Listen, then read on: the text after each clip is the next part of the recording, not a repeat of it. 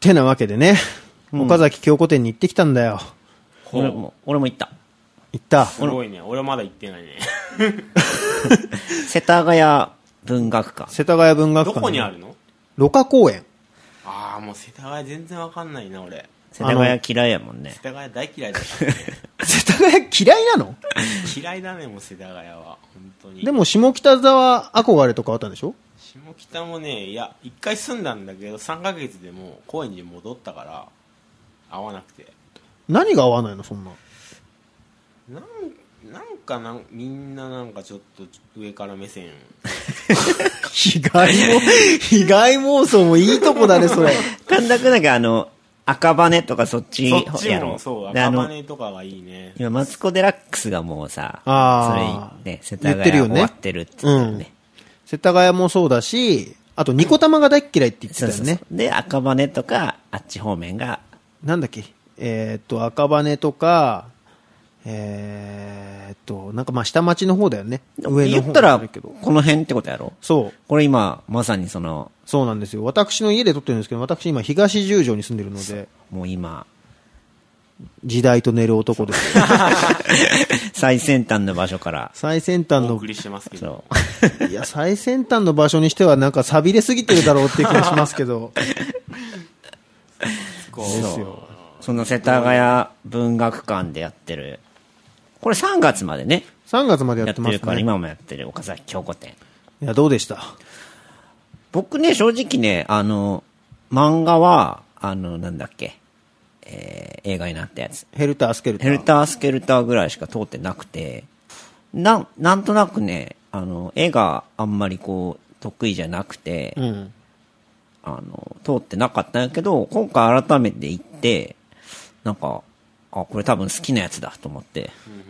読もうって感じになって。えで、ちなみに神田君は岡崎京子は通ってんの全く通ってないねあ、そ。そうもうう一読ん、冊も読んでないでも珍しいよね。割とライター界とかでさ、うん結構チヤホヤされてるトピックスではあるじゃん。まあね結構岡崎京子についてさ、文章を書く人とかさ、なんか少女漫画っていうのかな岡崎京子少少女漫画って言っていいのか分かんないけど、ん少女漫画は全く読まなかったねしかもさ、世代的にはどっちかっていうと、ど真ん中は神田くん神の田世君だ代ねだね。なんかこの鶴見渡さんとかさ、はいはいはいあの辺の人たち結構大騒ぎで書いてたイメージあったそうかだらさ、ねでも全然その絵も全然合わなかったし世界観的にも世界観的にも死体とかでしょ そういうことでしょ ざ、雑な岡崎京子論出たね。ジャンル主 体。死体死体とかでしょって死体見つけるとかそういうことでしょ まあそういうのはリバーデッジね。全然分かんないねあ、そう。いや、でもやっぱね、こう、グッとくるものがあるん ですよ。マジか絵が合わなかったっていうのが一番でかいかもしんないねでも俺その少女漫画チック結構ミューなジ。シャンでも、うんボーカルがダメだったメロディー良くても無無理な派なんだよねああ、例絵えば。が合わなかったらフィッシュマンズとかボーカルがダメだすごいとこ切り込んできたね。 ああ、なるほどね。なんかその歌詞だったりとかそういうところはまあわかるけど、そもそもそこがダメだったよっていうところが、そうそういうのが多いんだよ俺あなるほどね。だからなんかこの前フェイスブックにも書いたんだけど岡崎京子の絵がジャングルの王者ターちゃんだったら絶対売れてないよねっていうちょ、待って待って、それどういうこと同じ内容でもそ、うジャングルの王者ターちゃんの絵だったら岡崎京子のうん。このねなんか知らないリバーズエッジとかうん。だったらもう絶対その90年代を代表する漫画にはなってないよなっていう話を書いたんだようん。全然共感得られなかったんだけ どそうだよね。 いや、でも、わかんないよ。もっと別の層からすごい指示があったっていうパターンはあるかもしれない。あるかなジャングルの王者ターちゃん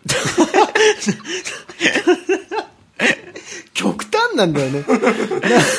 もうちょっとあるじゃん。なんかもうちょっと抑えた感じの。それもな、でも、俺もほぼ一緒やもんな。絵がなんか苦手だったって絵がそんなにまあてか漫画自体はそんなに俺通ってないっていうのがあるんやけど、うんたまそのヘルタースケルターもで兄ちゃんが持ってて、うん。あ、え、なんかエロいのあると思 って。あ、今日はこれでいけるかもっていう。結構エロいのっていうので読んだから。あで、なんか、やっぱりこう村上春樹とか、なんかやけにこうセックス描写が多いものとかって、うんなんか今あんまり好きじゃなくて。ーなるほどね。そうそう。だけんね、そっから入ったけんかな。で、でも今回、その、いろいろ見て、なんか、あちょっと、これは来てるかもしれないな。なんていう、なんだろうね、あの、高校生の頃の、なんか重な、自分と重なるもんだったり、なんかこう、高校生の頃に憧れてた世界観だなと思って、ああ、でもそれすごいわかる。そう。俺も男子校でバリバリでさ、大して友達もいなくさ過ごしてるじゃん、どこにこんなおしゃれな高校生がいるんだろうと思いながら当時読んでた気があ、すそるうそう。えー、なんか、本当にだけど東京ってこういうとこなんだなと思ったもん。ああでもなんかあんな生活は男子校にはなかったよねもっと本当なんかすごいバイオレンスだった気が するだからでもなんか引いてみたらああいうことなのかなって気もする世界観ではあるかな、うんそうでもだけど小沢健二とかはさそのなんか関わっとう人はめっちゃ好きやったけどさ、うん、はいはいでもなんか読んではなかったでもだからまさに今日潜水くん家で何冊かをこう借りていこうとあそうなんだ、そうなんですよそれじゃあ一番ファンだった人からしたら結構良かった展示はあのね、展示自体、まあ、その、生原稿が見れたっていうのはやっぱりいいし、うんあとは、でもなんか、あれだね、そのやっぱり、こう、なんだろうね、ストーリーとかじゃないんだよね、岡崎京子の場合は。あどっちかっていうと、ちょっとした詩だったりとかさ、そのあそうーいう感じっていうか、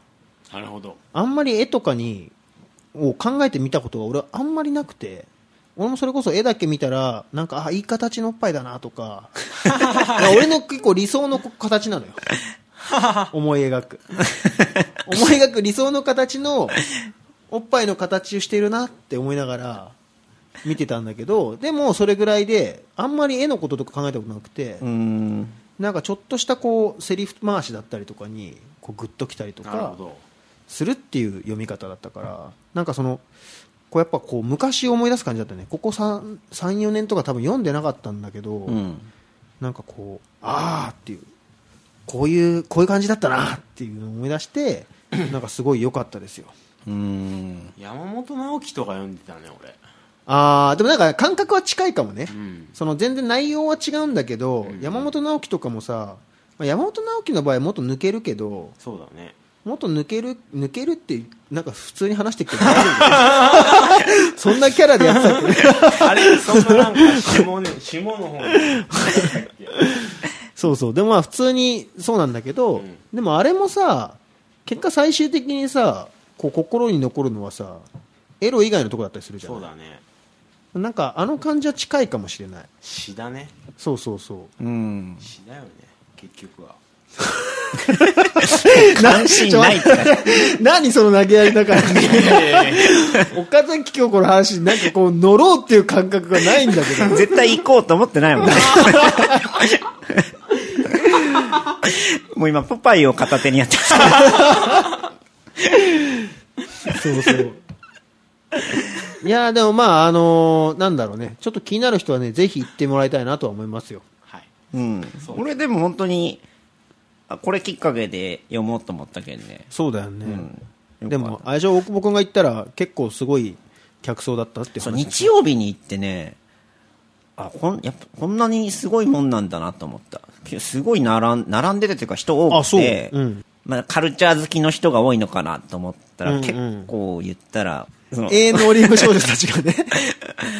でもなんか切り抜きとかさ、うん本当にセリフとかもすずっと端から端まで読み込んでてさ、あ本当好きなんだなと思って。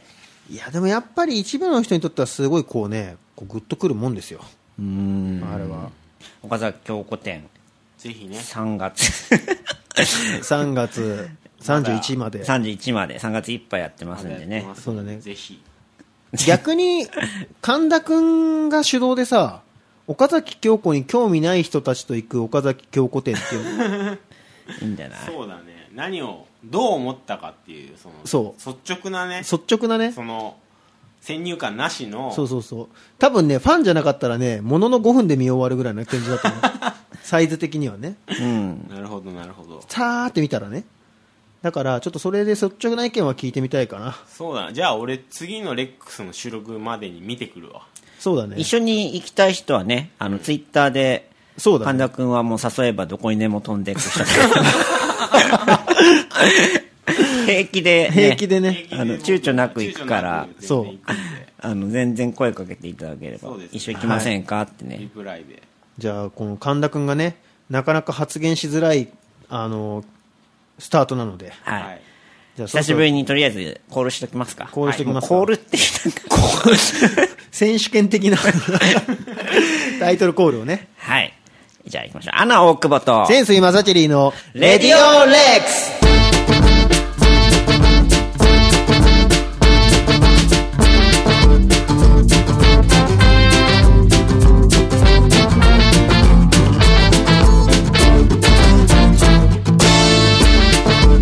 はいということで改めましてアナの奥保です潜水マサチェリーです。ライターの神田ですてなわけでね、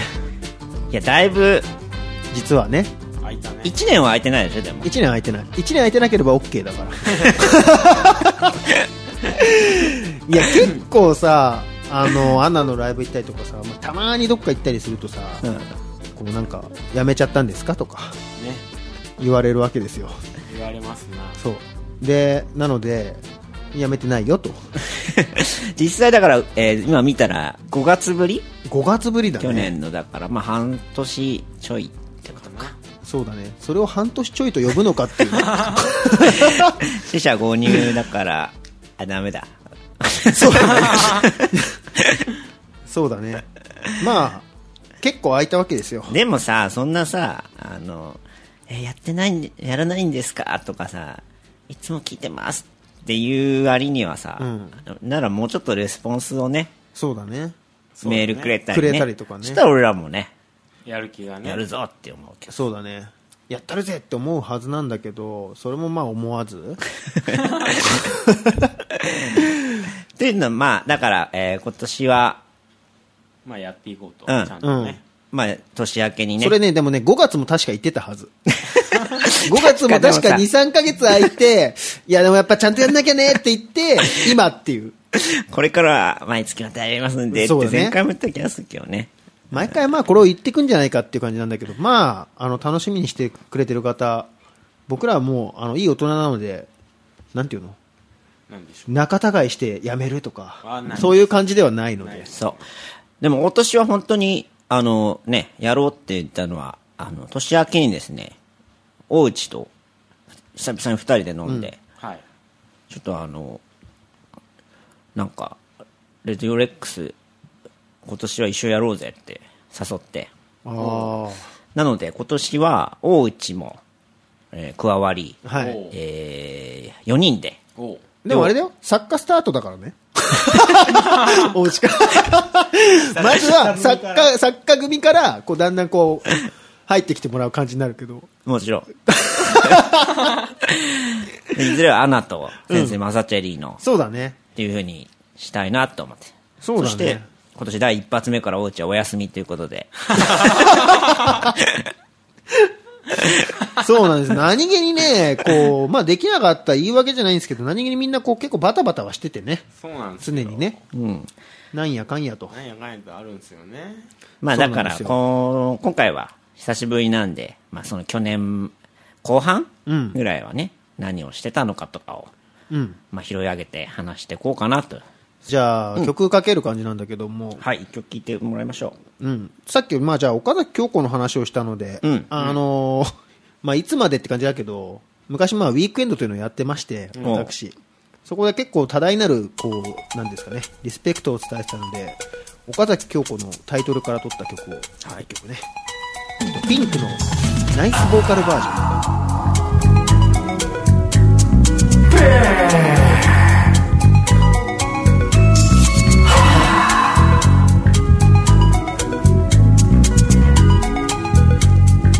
「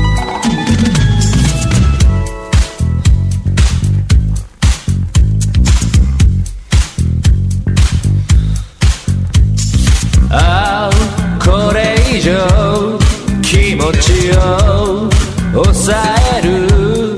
なんてさ思いが膨らんでどうにも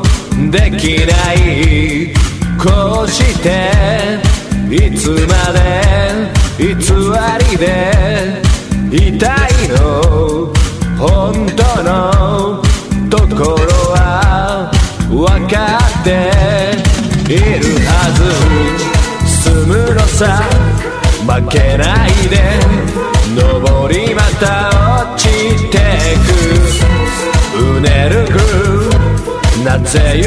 に涙の数だけ強くなれるから冬の空君といたい思い投げるよこんな気持ち言葉にはできないよ冬の空粉雪が舞い散るよ君はまだ誰かのさ温かい腕の中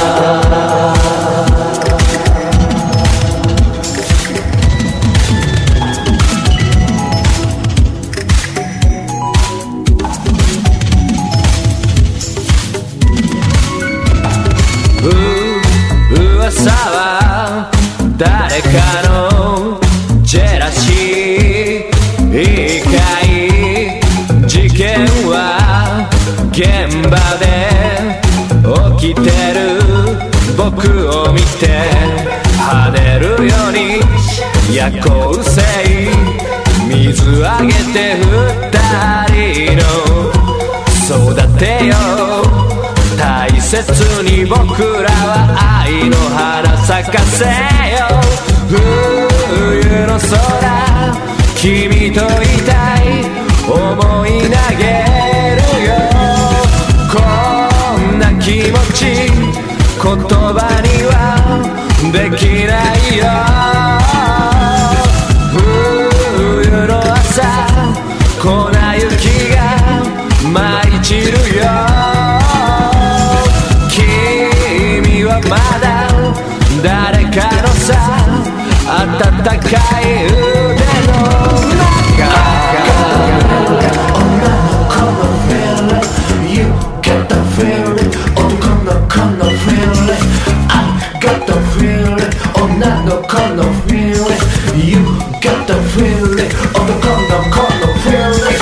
I got the feeling, oh not no come no feeling. You got the feeling, oh no come no come no feeling.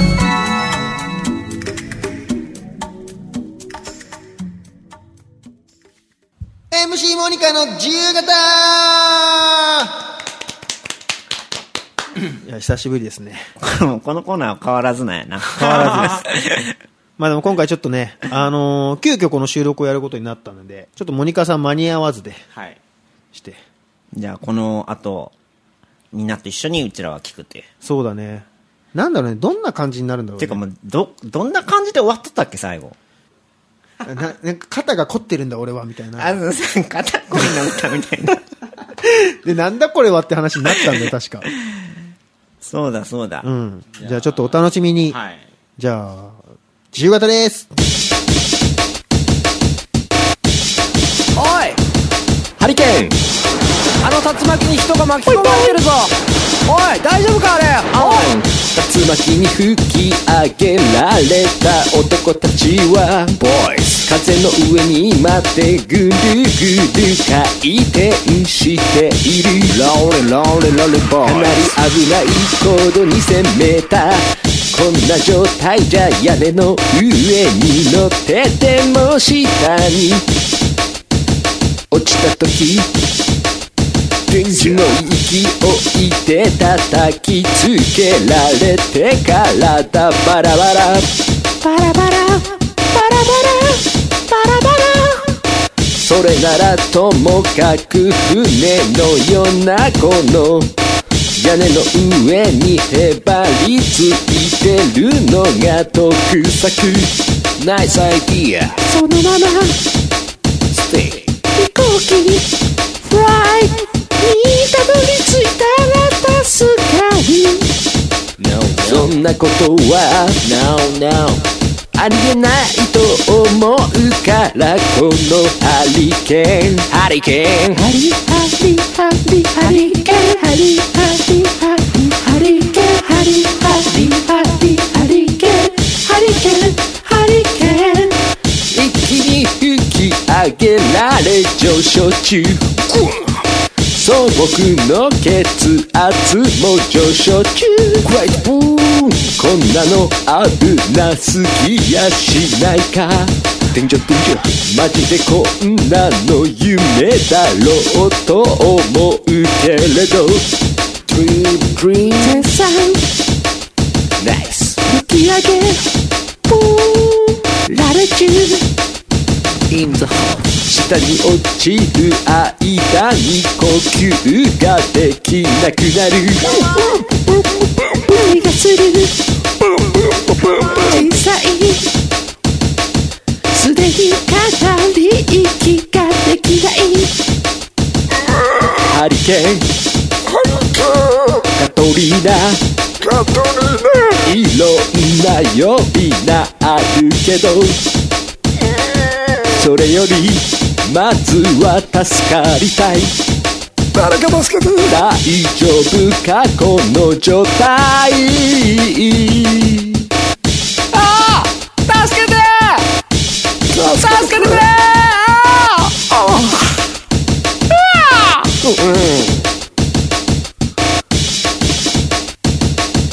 気づけば吹き上げられここはあの世天国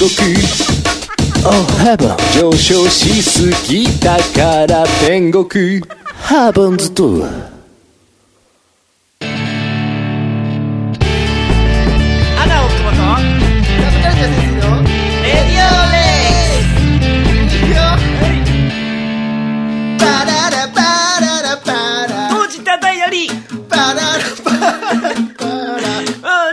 2014年5月以降の出来事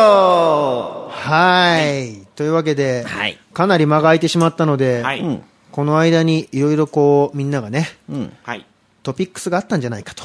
そうですね洗い出した結果、大してないと。 そんなこともないよ。そんなこともないか。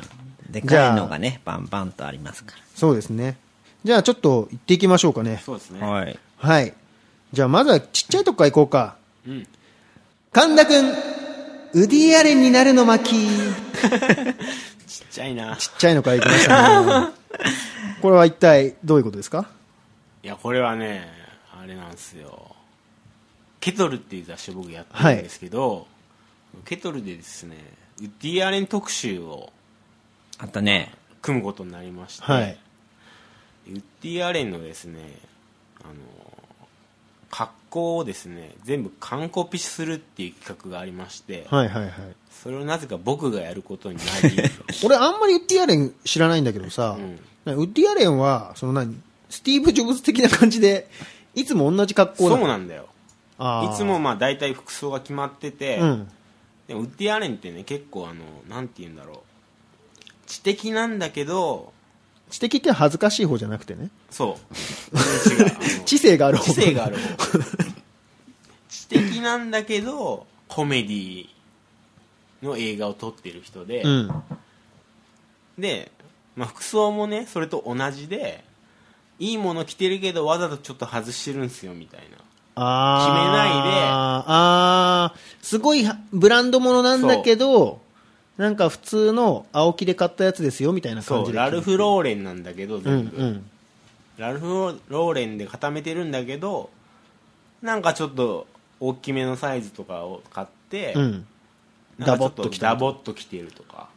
すっげえおしゃれだなるね。そうそれがなんかもうおしゃなれるほっどね。ていうサイズ感とかは超こだわりを多分。 あ、そうなんだ。 そうそう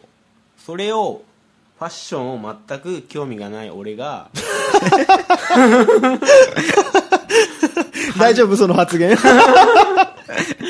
完全再現をしろっていううん。命令が下ってしまい、はいはいはい。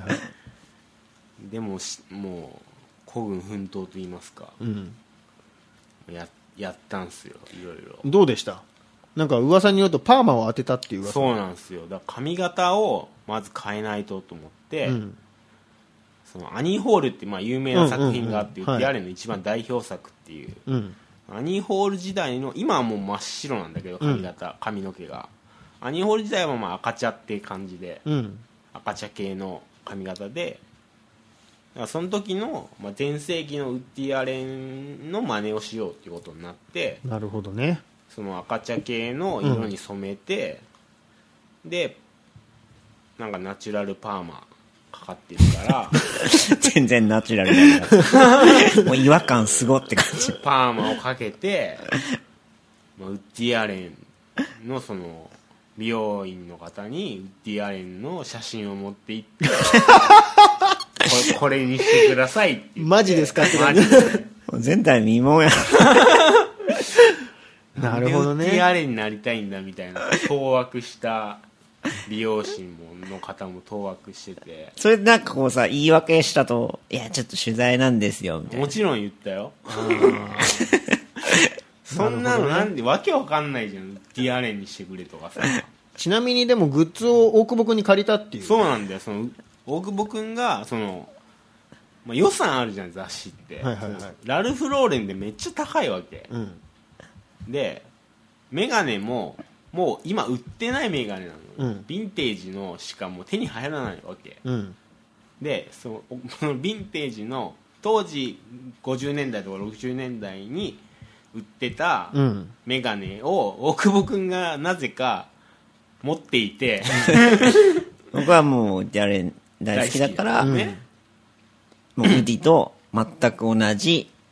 年代のメガ、同じブランドの形。そうそうそうなるほど大ね久保君にメガネも借りてはいはいはいでラルフ・ローレンのジャケットっていうかねツイードのジャケットはいツイードがもう俺分かんなかったんだけ どツイードって何ですかってはそのレベルのですよファッション知識ですよ僕はいでもまあそれでまあちょっとこういい感じでそうそれでまあ本当に俺ファッションわかんないからスタイリストをお願いしたんですよスタイリストの方に、はいコーディネートをでその方がもう全部高円寺で揃えようって言ってくれてはい僕の地元の、でそれで高円寺で全部揃えてもらって髪型も変えてで眼鏡もそれかけて撮ったんですようんでそもそも、ウッディ・アレンと僕は体格が全然違うので全く似てないっていうところもそうそうあの私ちょっと拝見したんですけども、もう普通のおじさんなんかもう、恵比寿義和さんって感じ恵比寿義和さんって感じのそう神田恵君比寿がさんみたいなそのツイードの ツイードのジャケットが恵比寿さんが着てるなんかジャケットみたいな感じでそうです いやいやこれ本当申し訳ないです多分僕が来てもそうなるんですけど、あの衣装はですごい周りからの評判も悪 くてすごいね僕としてはなんかそんな企画だそんな企画でしたねそうでもあの雑誌自体はすげえ、すごい売れね、面白かった。売れた僕もあの、永久保存版です、そうあれそうは。売れ売れたんですよそうですね、まあこのレックスファンもぜひねあの2人が関わってるのでそうな見んだよてねいただければなと、僕は念願のケトルデビューを、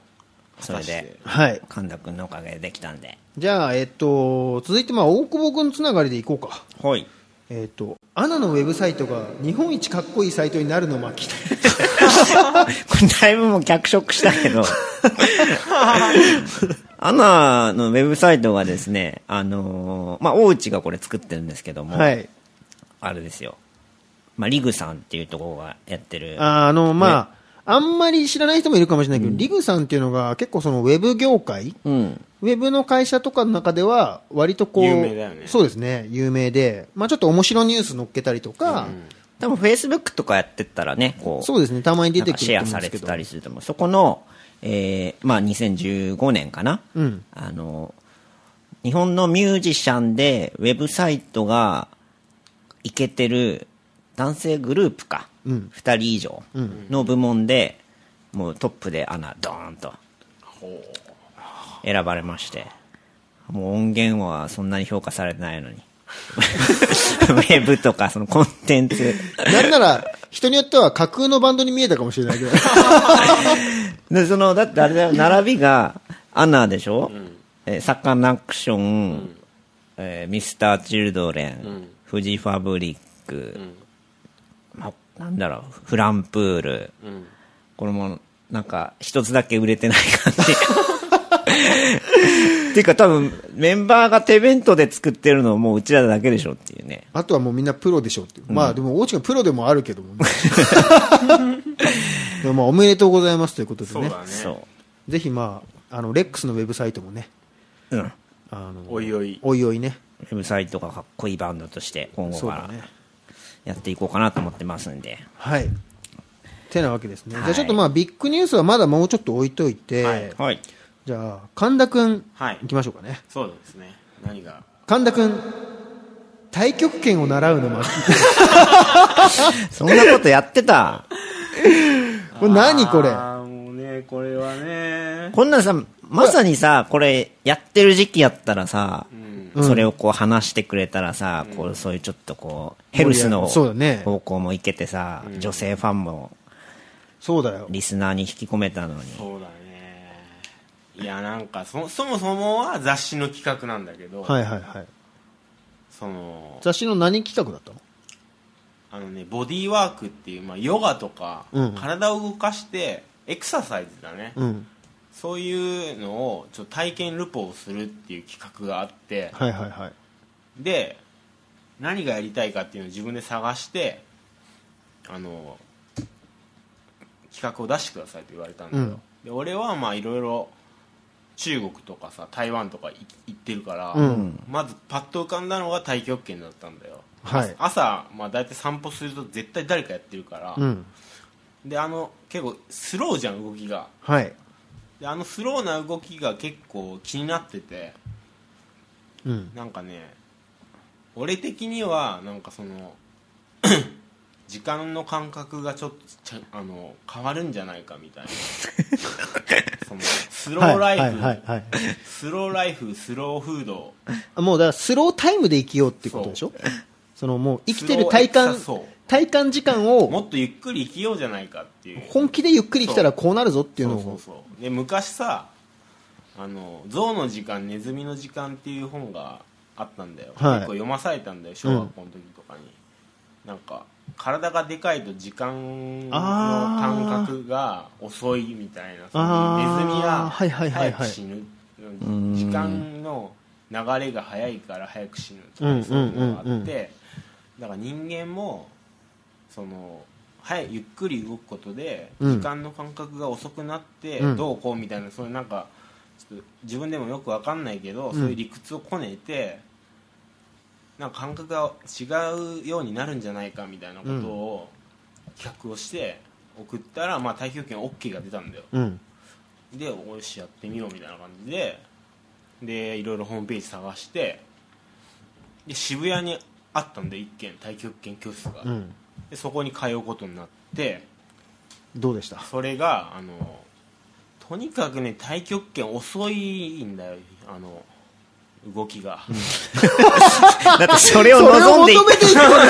けよなん なんなのそれそれがねもう辛いん だよこいつらおっせえなって。もうね動き遅いとうね、んもうなんかイライラしてくずっると中腰なあーはいはいはい腰とか痛くなってくるのね、で太極拳ってさ型がね結構いっぱいあってそのゆっくり動くからさフックがないわけだからどっからどこまでがその型1で型2に移るその区切りが分かんないのよ、うんうんだから覚えらんないのよ、なるほどそねうだから太極拳ってひたすら退屈なんだよねじゃあもう一回行って終わりいや一応通ったよどれぐらい通った の5回ぐらい行ったそれは あそうしえ週1ぐらいの週1で5回ぐらいあじゃあ行っ2たヶ月ぐらい、1ヶ月ちょっとぐらいか。行ったんだけどさ頑張ってでももう全然もう楽しくなくて、うん本当になんでこんなゆっくりなんだこいつらはと ノロノロしやがってなんだよみたいなその呪いしかもさその最初に行った時にその、まあ、会員になろうと思ったんだよで俺はそのへ編集部からあの身分を隠せって言われたんだよあ普段のままのありのまあまりのの。ままのありのままのありねの。ままのその練習をはいはい。体験してこいと、うんその取材させてくださいって言うとなんか持ってくる。態度が変わるじゃない、そのありのままのあ。 それ押すね、今 年。うんうんありのままの神田で。そうありのままのものを見てこいとどうだったのででその会員にななろうとしたらさそのこその契約書みたいなのがあって、うんそこにあのなんかこうここで体験したことを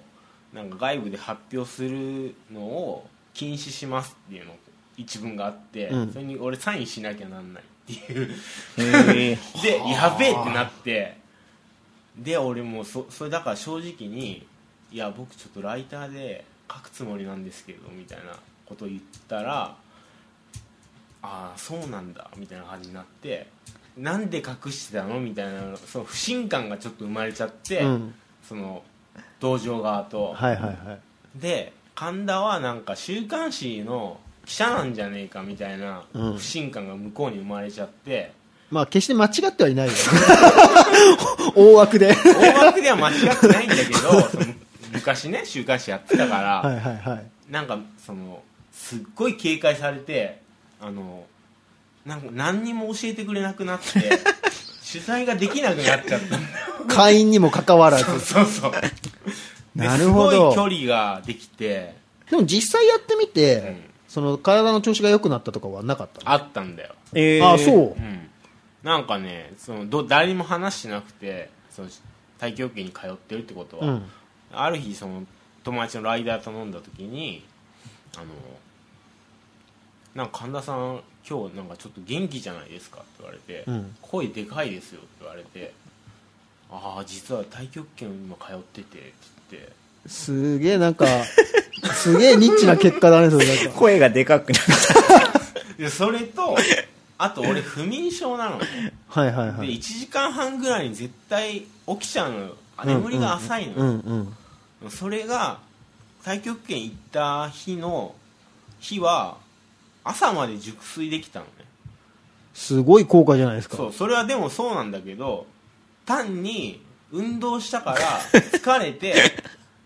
朝まで熟睡できたっていう可能性もあるとああ、なるほど。疲れんの疲れる本当に疲れるあれね舐めてたんだよ太極拳うん。けどねめちゃくちゃ体力使うあ、そ俺もうだから膝とかがブルブル震え て痙攣してう。もう、もう生まれたての、子馬。それ、えっと、中国人とかなの先生は日本人なんだけうどんあの男あの男で師範代みたいな人がいて偉い人が、その人はラーメンマンみたいなラー感じのメ人ンマンみたいなそ の人は本当にラーメン ラーメンマンはその台湾の人なんだ台湾の一応台湾政府公認っていうさなんか一番結構ライトな感じの、うん。まあ、おなんかその大規模なところに行ったのよ俺はあえてああ、なるほどね。なんか怪しいとこには行かないでおこうとあそっか。結そう局、え、それってじゃあ、記事になっ記事になったた、には一応なったんだ。はい、あのそれはですね今発売中の「スペクテーター」という雑誌の「ボディトリップ」っていう特集に詳しく書いてあ詳るしく書いてありますその顛末は じゃあ、それも皆さんが。この話をこの裏話を聞いてから読むとすごい面白いと思うこれなかなかレア。 そうだね。いや、でもこの太極拳の話はなんか意外に盛り上がった ね。こうすると、あの、神田が基本その、主主催のために身を打って生きてるって感じです。すごいでも切り売りしてるよ ね。いすや本当そうだよ俺もだってそそうの、だねその数ヶ月前は、ウディアレンになってたそよう。そうじゃあちょっとじゃあ次行ってみましょうかね。はいじゃあ、大久保潜水、TBS ラジオに出るの巻。こすごいねこれはこれれはもうは本当ねに。、ちょっとこれはビッグニュースですよ、う割んと。去年、まあ、僕はそのアルバムリリースがありましたけどもなんかもうそれにそれの勝るとも劣らないぐらいのそうだね自分の中ではねニュースだったんですよねいやもう、あのーまあ知ってる人はいるし、これでも話してるかもしれないけど、僕も大久保君もですね、あの TBS ラジオの、うんそれこそ伊集院光さんだったりとか、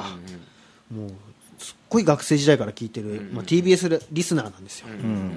なのでね、こう出れて最高だったなと。まあ、顛末を話すと、んえっ、と、出たのが、えっ、とね、昼帯のうん玉結び。はいはいはい赤江玉緒さんがやってるねまあちょっとそのなんかもうサブカル勢がさ、もう結構昼枠に出てきてるっていうような、そうだねいい感じの番組なんですけど、なんですけど、その番組に 出ることになりまして、で、まあ、天末としては、えっとね、月曜日の担当がですね、カンニング竹山さんなんですね。はいで、まあ、その竹山さんのコーナーで、竹が、うんとね、竹山ガム買ってきてっていうコーナーがあるんですよ。はいこれでまあ、その、なんですかね、竹山さんにこういうことを調べてほしいとかお願いすると、竹山さんが調べるっていうようなコーナーなんですけど、そこにですね、えっ、と、なんだっけ、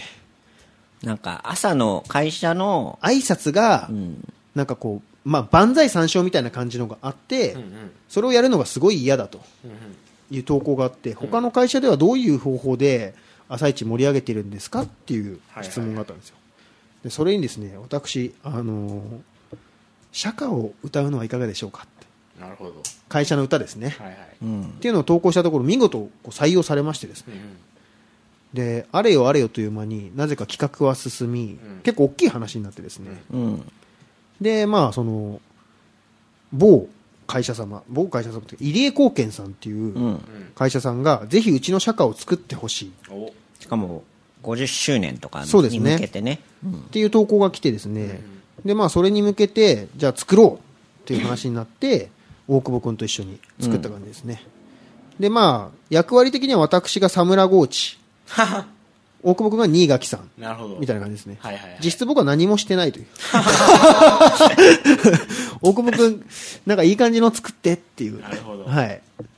感じですね。そうで最終的に、えーもう生放送でうん。お聞かせしてなんか社長さんに選んでもらうみたそいうな。まあ、公開プレゼへーすごいね,、ンですね。結構喋ったじゃあ2人とも結構15分か20分ぐらいは喋ったかねな。すごいねですね。憧れのね僕もだからそのプロモーションとかで FM は結構出るんやけど、AM のやっぱこのねあのガラス張りのさそう向こうね。にディレクターがいてっていうねあのスタジオ感がね結構僕多分、あんまり緊張とかしないタイプなんですよ。うんなんですけども、結構柄にもなくね。緊張しちゃったちょっと俺緊張してきたよ、僕結構ここ数年では1番、2番ぐらいの緊張。珍しく緊張しとんしゃったそうですね。で、まあ出て、うんあの、竹山さんだったりとかに話して、はいはいで、あのー CM 中とかにはい大久保くんは、ちょっとぜひ僕も福岡から呼んでくださいよって はいあの福岡会っていうのね今竹山さんとあの大吉花花丸大吉丸大吉とかはいはいはいやってて、それに呼んでくださいよって言って、あ、ぜひぜひって言って、その後別に何もない。寂しいね大久保くんが珍しくツイッターで仕掛けたにもかかわらず何もない。フォローしてリプライ送ってそう。 「今日お世話になりました大久保でございます」で無っていう。マジかでしたね。でもいいすげえねいい人やったねうん、でもまあなんか本当にこう、すごい楽しい企画でしたよ。しかもまあオチとしてはですね、その僕らが出た次の週に同じコーナーに、えっ、と、ゲストが新垣さんだったと。あそうなんだそう。へーなので、うん、まあなんかそれやっが好評でなんか他の幼稚園かなんかの歌、作っ作ってへー演歌を作る企画があってそうねそれは新垣さんぱりがねそう。なのでもう僕らっていうかまあ僕は今後そのやっぱ目が見えないっていう方向に行った方がいいのかもしれない。 目が見えないけど、やたらこうアクションで曲を作ってますよみたいなはいはいはい感じにしていったらもしかしたら目が出るかもしれないですね。それで最近サングラス探しようのか そう。それ最近ちょっとね、いい感じのサングラスを探 してる。じゃあこれが一番ビッグニュースだったんだけど、じゃあ最後神田くん2本で締めようかね。そんなにあるんですか僕そうですね、まず、 神田くん、能年レナに顔覚えてもらえずの 巻。はい、これは、大御所出てきたねこれはね僕だからその年末に、はいノーネンちゃんのインタビューが2本入ったんですよはいはいはいで僕も大好きなんで、はいノーネンちゃんのことはアマちゃんはまあ一回も見てないんで すけどうっす薄いね何が好きなのノーレンちゃんの顔いやもうなんかその「紅白」に出てたじゃないですかはいはいはいアマちゃんでアマちゃん見てないにもかかわらず感動しちゃったんですよはい薄い知識っすねそれ紅白で好きになったの。紅白で好きになりましたねだいぶ遅いんでだいもうだから要するに去年一昨年ってことですね一昨年の年末にに好きになったんですでその時に来年は能年ちゃんのインタビューをどっかでしたいなと思ってうん目標に掲げてたんですようんならなんと去年末夢が叶ったと、はいはいはいでまあ1回目のインタビューは、まあ、ケトルっていう雑誌のロングインタビューで、まあ、会うことができたんですけどその時に能年ちゃんはフレネシさんっていうフレネシっていうアあーーティストはいはいはいはいはのいすごい大ファンなんですよ、うんでお忍びで、まあ、ライブとかにも来てるっていう情報も手に入れてたんで,、うんで僕フレネシさんとまあ結構知り合いでもあってはいでフレネスさんのちょっと音源とかをフレネスさんからちょっといただいたりして、うんううんそれをプレゼントしたんですねだからすごい「ありがとうございます」って言ってくれてあこれはちょっとポイント上がったかなと はい僕のはいもうまあなんだかんだで名前ぐらいは覚えてくれたかなっていうそうくれたかなっていうかなと思ってそれで、はまあ、ススムーズに取材も終了しましてそのインタビューのさすがに1週間後だったらまあ覚えてくれてんだろうなと思ってあこの前ありがとうございましたみたいなノリで行こうかなと思ったんですよフレネシさんがねのい音源渡したものですみたいな感じで、ならですねなんかもう初めてお初めましてみたいな ノリなんすよ向こうは、で僕は一応探り入れたんですよねあの質問するときにこの質問はちょっとこの前もちょっとさせてもらったかもしんないんですけどみたいなこと言ったんで すよじゃあはみたいなこの前はこう言ってたとは思うんですけど、はいはいはい今回はちょっとこうではないですかみたいなそういう聞き方をしたんですよはいはいはいこの前インタビューしたアピールをしたんですよねなはみたいな感じだっ たんこでいつ何言ってんだそうそうそうそう何を知り合いずらしてきてるんだろうああダメだと思ってそっからもう僕は出しゃばらないようにして、 はい初めての体でそうそう手でもうインタビューしてさよならをしましたねのお姉ちゃん心の中でああありがとうありがとうとさよならさよなら俺の青春がまあ忙しいですからね。そうですねもうね本数も本数でしょうからねもうあの映画のはいはいククララゲゲ姫クラゲ姫の宣伝で、はいもう多分一日にも何何十十人本とと会ってるんだと思うんですよね、ほどのね、そうなんかねイもンうパクト。だから僕がそんな音源をプレゼントしたぐらいではやっぱと覚えられないですよきっと同じようなことを考えてるライターの人がいたのかもしれないですよねもうたかなりいると思いますそりゃなのでフレネシ的なものをみんなこう渡しつつそう話してるって感じなんでしょうそうねなんですよねだからちょっとこれは僕が作戦ミスだったなと思ってライターとして甘かったなと思ってますねそういう時はなんかこっちもなんかさデーモン小暮みたいなか感じで言って絶対覚えてもらうとかにしたいんだよ我が輩はとか言った方がよかったんだそうで後で記事読むと普通になって る僕はってな僕はじゃあそんな感じですがはい。大鳥ですおとりこれねでもまあ多分神田君なんだけど、まあ、タイトル、うん、ほぼ出落ちで多分僕とか大久保君は下手なことは喋れないぞっていう感じのことなのでちょっ僕わとかりましたはい神田君名誉毀損で訴えられるのないやーね人生長く生きてるのあるもんですねいろいろいや、実はないけどね。まっとうに来てたらまあ名誉毀損で訴えられることはないかないやー、ほんとね。はこれはもうあんま話せないかもしれないけど、まあ、い気持話せちる気持ちの部分を話していきたいよね、まあ、そう、あの、まあ、話せるところまでは話しますよ、これは。は要は記事を書いたそう結果、結それが果ってことだね事実無根だと言われて、はい。訴えてやるって言われてああ、もうリアル訴えてや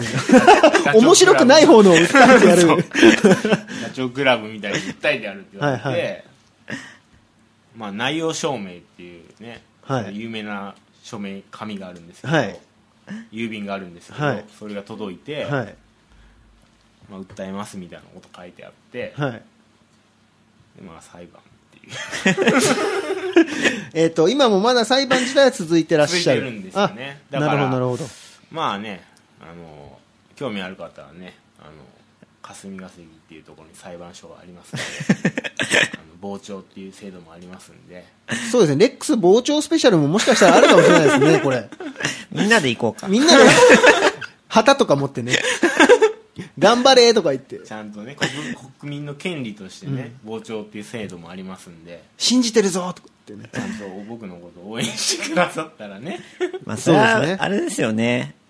そう裁判中、まあ今もそうやけど、真っ只中で、はいこんな配信はなかなか、なかなかね、これはまあ、あの、事実が本当に無根だったというのが証明された時にうんお話しいただければという感じですかね。今はちょっとまだ何もほとんど言えないんですけ ど、はい。まあ何も言えなくて冬 そうなんですよ今はちょっとまあ係争中っていうことではい。まあ、ノーコメントをさせていただきたいんですけども、はいすべて終われば、ありのままのそうあ神りの田まで。まの僕でもう一度おあのお話しできる詳ぞと細にお話しできるかなっていう感じですかね。感じですね、はい。まあ、人生いろいろあるなっていう人生いろいろ。 はい。そうい結う構、このぐらいでちょっとそうですね。勘弁してほしいかなっていうところですね、そんな感じで、じゃあ、2014年5月以降の出来事ということだったんですけど、うんどうでしたかねもう最後にすごいの来たからね。最後、最後に重い感じで終わったよね。なんで俺そ んなねえ僕そんなねカルチャー誌とかでね平和に ね、平和にその能年ちゃんの取材とかねそんなんでどうやったらそんな名誉毀損で訴えられるとことがあるのかっていうそれはもうこちらも聞きたいです よ。なんでそんなことに巻き込まれてんのっていう。もうその人生ゲームやったらさ、そのコマ意味わかんないもん。神田くんのやつ。太極拳を習う。どうやったらそんなことになるのかその振り幅ですよね。そうなんだ一方、そのさ、普通の人じゃなかなか会えないさ、能年ちゃんに会えましたとか、うんね。で取材して30分話せましたとうんか、すごいハッピーじゃないですか。うんねえでも一方でね訴えられてるっ ていうねこのこの振り幅がやっぱりこのレックスの放送作家のねそうですねなんていうのこうそのカオスさながあるなんだろうねこの呪いっていうか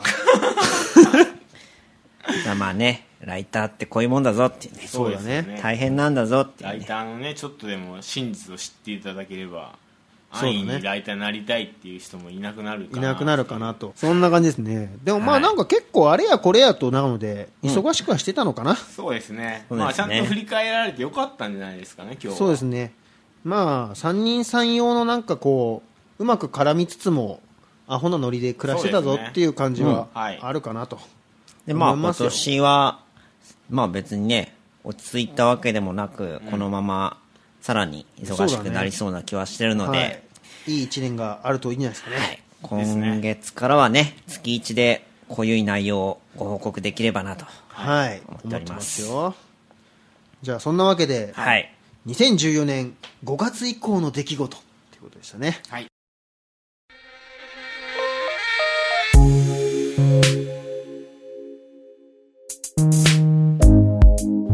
はい、ということでね、久しぶりのレディオレックスでした。でしたねいやー、久しぶりだったけど、どうでしたいや僕は面白かったですよ溜まってた